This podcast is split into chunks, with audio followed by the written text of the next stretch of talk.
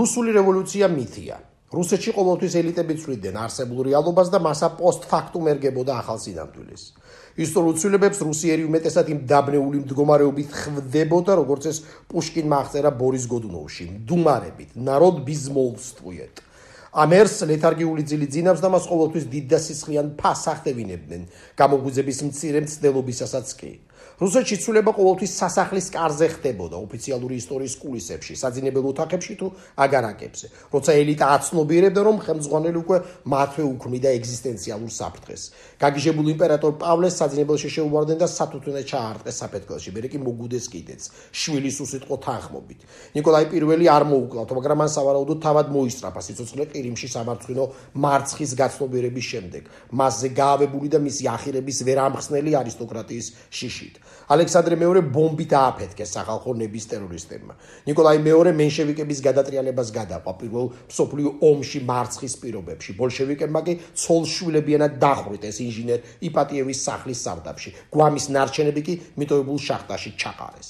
ლენინს ფანი კაპლანმა ესროლა 1918 წელს, ხოლო დამბლა დაცემულს უკვე სტალინმა შეუქმნა ყველანაირი პირობა, რომ მას რაც შეიძლება მალე ეგზნო თავი უსარგებლოდ. კრუპსკაიას პროტესტი ერთგულმა კობამ განაჩენად ქცეული გინებით უპასუხა. კიდევ იწუწურებდა ლენინს სხვა ცოლს დაუნიშნავდო. თავად სტალინს სისხლი ჩაექცა და ლავრენტი ბერია მასთან მიახლოება აუგზალა ჩეკისტებს, ძინავს, ისვენებს. ამ დროს ის მთელი ღამე ჩაფსმული იწვა იატაკზე. ბერია მას სიკვდილი აცალა, თუ უფრო მეტი არა, რადგან ან ბერია და პოლიტბიუროს ძველი წევრები უნდა გადარჩენილიყენ, ან სუმღაფავი სტალინი. სტალინი ვერ გადარჩა. სახელმწიფოს ფაქტობრივ მართლად ბერია იქცა, თუმცა მხოლოდ რამდენიმე თვით. ამჯერად ის უვნებელმა და სასაცილო ხრუშჩოვმა განადგურა სამხედროების მეშვეობით. ერთი ვერსიით ის მალენკოვთან თათბირის დროს დააკავეს მარშალი ჟუკოვის მეთაურობით, მეორე ვერსიით სახლშივე მოკლეს, ხალიჩაში გაახვიეს და იქვე დაწვეს ეზოში. ხრუშჩოვი არ მოუკლავთ განსასწრებო შედარებით ვეგეტარიანულ სისტემატ იქცა. მას შიდა გადატრიალება მოუწყვეს და აგარაკზე გამოტეკეტეს უსარგებლო ტყვე პენსიონერად. გორბაჩოვი კი გადაურჩა სიკვდილს კუნძულ ფაროზე გეკაჩებეს წარუმატებელი პუჩის დროს, მაგრამ ელცინმა სულ მოკლე ხანში გამოაცალა ძალაუფლება სსრკ-სთან ერთად.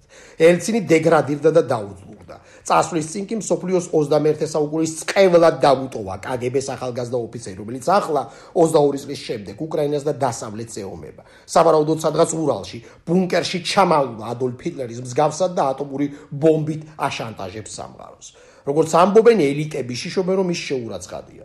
სტალინს 5 მარტს აცალეს სიკვდილი. ახლაც მარტია. და საინტერესო რომელიმე ბერია თუ მიდი მოდის ბუნკერის მახლობლად. რუსიერი ისევ გარინდებულია. ის მხოლოდ მაშინ შეიგრძნობს ცვლილებას, როცა პროპაგანდისტულ არხებზე ჩაიკოვსკის გედების ტბა აღღერდება პრიგოჟინის ბოტების ფაბრიკის გოდების ფონზე. როგორც წესი ამ ბალეტს უშვებდა, როცა ისტორია იცვლებოდა სასახლის ბუნკერის კარზე.